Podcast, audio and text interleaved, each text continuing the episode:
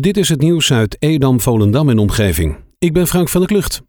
FC Volendam heeft de sterke vorm van de afgelopen weken doorgezet in de kraker tegen de Graafschap. De ploeg van Wim Jong won het duel met 2-5. De Volendammers zijn door de zegen ingelopen op de Graafschap. FC Volendam staat op de vijfde plaats op één punt achterstand van de Superboeren.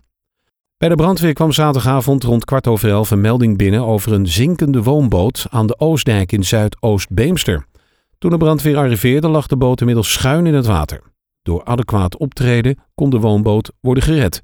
Hij is leeggepompt en het gat werd provisorisch gedicht.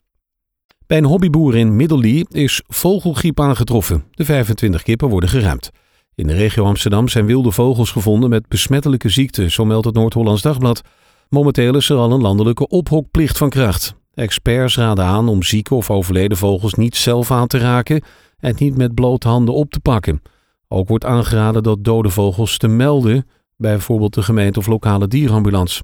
Liggen er meerdere dode vogels, dan is het advies om ook de Nederlandse Voedsel- en Warenautoriteit te bellen.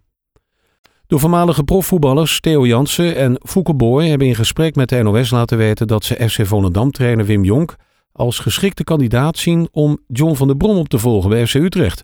Voormalig Ajaxie Theo Jansen ziet in de Volendamse trainer een goede opvolger voor de naar KRC Genk vertrokken John van der Brom. Jonk doet het al een tijdje goed bij FC Volendam met een speelwijze die ze ook bij Utrecht voor ogen hebben. Afzonderlijk van Jansen noemde ook Fouke Boy de naam van Jonk. Wim Jonk is bezig aan zijn tweede seizoen als trainer van FC Volendam. De regio Zaanstreek-Waterland behoort niet meer tot de top 5 regio's met het hoogste aantal positieve testen per 100.000 inwoners.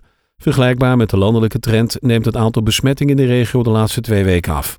Zaanstreek-Waterland neemt nu de tiende plek in. Op dit moment liggen zeven mensen in het Dijklander ziekenhuis op de intensive care en in het Saals Medisch Centrum zijn dat er zes. In de eerste week van november waren 14 inwoners uit Zaanstreek-Waterland overleden aan de gevolgen van corona. De gemeente Waterland wil graag op 23 november met inwoners en ondernemers uit de binnenstad van Monnikendam in gesprek over parkeren in en rond de binnenstad van Monnikendam. Door de ontwikkeling van het Galgeriet wordt ook het parkeren in de binnenstad nader beschouwd. Om parkeren op het Galgeriet en in de parkeergarage op het Galgeriet als totaal optimaal te laten functioneren, is een passende parkeeroplossing nodig die voor beide gebieden op elkaar aan moeten sluiten. De digitale informatieavond is voor inwoners en ondernemers van de binnenstad en vindt plaats op maandag 23 november om half acht. Cornelis Pieter de Waard uit Mark is zaterdagmiddag benoemd tot lid in de Orde van Oranje Nassau, omdat hij zich jarenlang heeft ingezet als vrijwilliger op allerlei gebieden.